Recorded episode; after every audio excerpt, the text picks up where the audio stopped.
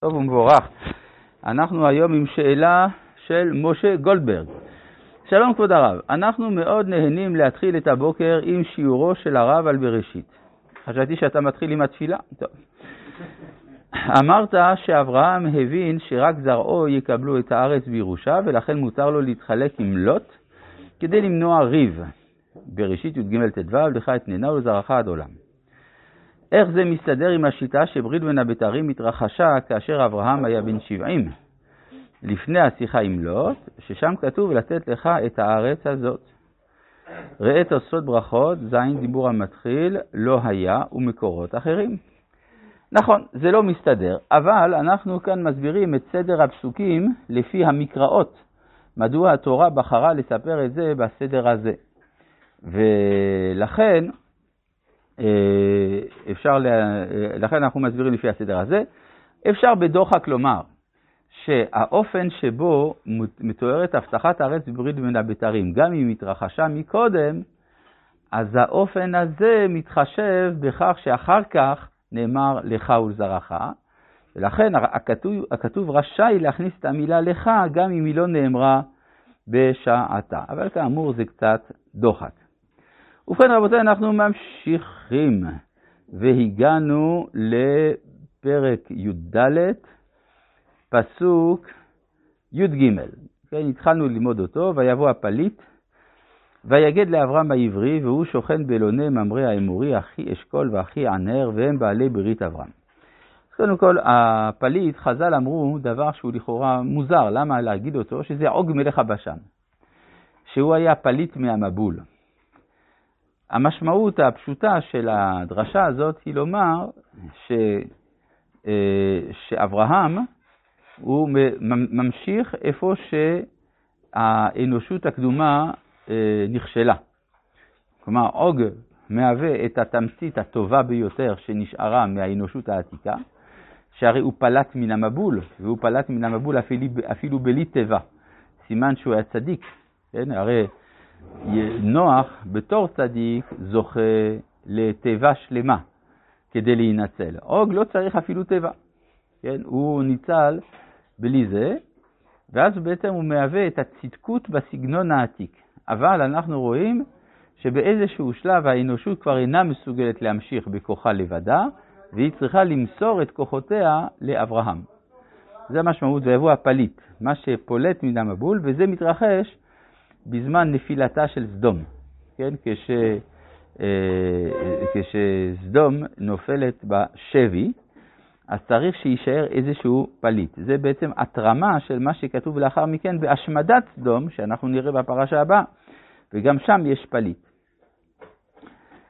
ויבוא הפליט ויגד לאברהם העברי והוא שוכן באלוני ממרא האמורי, אחי אשכול ואחי הנר והם בעלי ברית אברהם. אז כפי שאמרנו, אברהם עומד בראש קואליציה אזורית. עכשיו, אם אנחנו עושים חשבון, יוצא שלאברהם יש שליטה לא קטנה במספר מקומות. א', באזור שכם, יש לו שמה נפש אשר עשו בחרן. דבר נוסף, יש לו כמין, אה, אפשר לומר, אה, אה, מרכז ראשי, אני יודע, מטכ"ל, באזור, באזור שבין בית אל ובין העי. בנוסף לכך, הוא עומד בראש הקואליציה של המלכים של דרום הר חברון, ענר, אשכול וממרא. ממרא אנחנו רואים שיש לו אלוני ממרא, כלומר זה הוא השליט המקומי, אשכול אנחנו מוצאים אותו גם בפרשת המרגלים, שויבואו עד נחל אשכול. נחל אשכול, כלומר זו הייתה נחלתו גם של אותו אשכול. לגבי ענר, לא מצאנו, אז מה? חייבים כל דבר למצוא? נו, הלאה. אה? הפעם היחידה שמופיע אברהם העברי, כן, דיברנו על זה אתמול. אה, הבאנו את ה... את ההשערה המעניינת של אה, הרב יואל בן נון, שמראה שבספרות הקדומה הביטוי עברי או חבירו בשפה העתיקה מציין נוודים בעלי יכולת מלחמת גרילה. וזה בדיוק מה שמצפים כאן מאברהם לעשות. וישמע אברהם כי נשבע אחיו. הרמב"ם אומר מה זה אחיו, אחיו בדעה, כן? אבל יכול להיות גם אחיו במובן של משפחה, כלומר הוא עברי, אז הוא נושא בקרבו את הסגולה, או על כל פנים פוטנציאל של סגולה, וירק את חניכיו ילידי ביתו. וירק, כוונה, נתן להם נשק, שמונה עשר ושלוש מאות, וירדוף עד דן. עכשיו, אה, צריך להבין מה זה וירדוף עד דן. יש גם ויחלק עליהם לילה הוא ועבדה ויקם. מדובר בצבא שעכשיו גמר מלחמה של נגד חמישה מלכים. עכשיו, לא רק נגד חמישה מלכים, נגד כל המלכים האזוריים. עכשיו, אה, ויש להם שבי, והם עייפים, והם צריכים לדאוג לכל השבי והרכוש שהם לקחו. צבא כזה נוסע לאט. לדרך איפה הוא נוסע? הוא כבר לא יכול לנסוע דרך ההר, כפי שהוא עשה בהתחלה. הוא חייב לנסוע דרך בקעת הירדן. בקעת הירדן מקום שטוח, וזה מתאים לצבא בסדר גודל כזה עם כבדות כזאת. לעומת זה, אברהם יש לו צבא קטן, והצבא הקטן שלו הרבה יותר נייד, ובמיוחד אם הוא מתנפל בלילה ויחלק עליהם לילה, הוא ועבדה ויקם. יש אגב לציין שפה מדובר פה בשלוש כוחות לפחות. יש 318 חניכים, ויש עבדיו, ויש ענר אשכול וממרא. אז בסך הכל יכול להיות שמדובר בצבא של כמה אלפים. כמה אלפים, במיוחד צבא שמתנפל באופן, בהפתעה בלילה, כשאין תאורה על, אה, על צבא כבד, יש לו בוודאי יכולת לנצח, והוא עושה את הפשיטות שלו עד דן. דן זה סוף בקעת הירדן. כלומר, זה המקום שבו נוח לעשות את המלחמה הזאת. אחר כך וירדפם עד חורבה אשר משמאל לדמשק.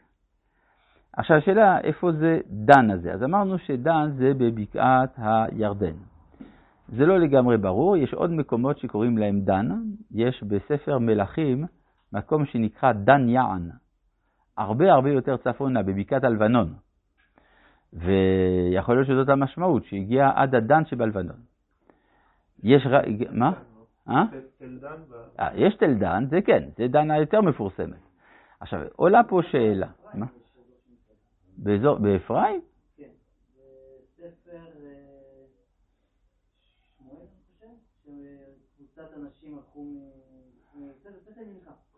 אה, אתה מדבר על ספר, אה, כן, בסל מיכה, כי אנשי דן עזבו את אזור החוף, מה שנקרא היום גוש דן, ועברו צפונה דרך הר אפרים. כן, אבל בכל מקרה, אה, יש כאן שאלה ששואלים החוקרים. איך יכול להיות שאברהם רודף עד מקום שנקרא דן, והרי בספר יהושע ובספר שופטים, כתוב שלמקום קראו דן אחרי ששבט דן כבש אותו. בזמן אברהם, ואפילו בזמן משה שכותב את התורה, עדיין המקום לא נקרא דן. אז איך זה יכול להיות? וגם כתוב אה, בפרשת וזאת הברכה, ויראהו השם את כל הארץ, את הגלעד עד דן. כן, אבל אם מסתכלים היטב בכתוב בספר יהושע וגם בספר שופטים, כתוב כך: ויקראו ללשם דן, בשם דן אביהם אשר יולד לישראל. למה, מה, מה, מה החידוש? החידוש הוא שלפני כן קראו לזה דן, לפני שקראו לזה לשם, אבל לא בשם דן אביהם, אלא בשם עבודה זרה ששמה דן. הגמרא במסכת שבת מזכירה שם של עבודה זרה כזאת. אז יוצא שהמקום נקרא בשם דן על שם העבודה זרה שהייתה שם, אחר כך המקום שונה ללשם או ללאיש, כשבני דן כבשו את המקום, אמרו, טוב, אז נקרא לזה בשם הקדום, כי זה השם של דן אבינו. אז זה הרבה יותר פשוט ומובן. כך שזה גם מסביר עכשיו את הדרשה של חז"ל, שאומרים שתש כוחו של אברהם כשהגיע לדן, כיוון שראה שעתידים בניו לעבוד שם עבודה זרה, האמת היא שפשוט זה גם היה עבודה זרה בימיו, ואז הכל מובן. עכשיו, אה, הרדיפה הזאת עד דן מה משמעותה? רבי ישעיה אומר, רצה הקדוש ברוך הוא לזכות את ישראל. לפיכך קרבה להם תורה ומצוות, שנאמר, אדוני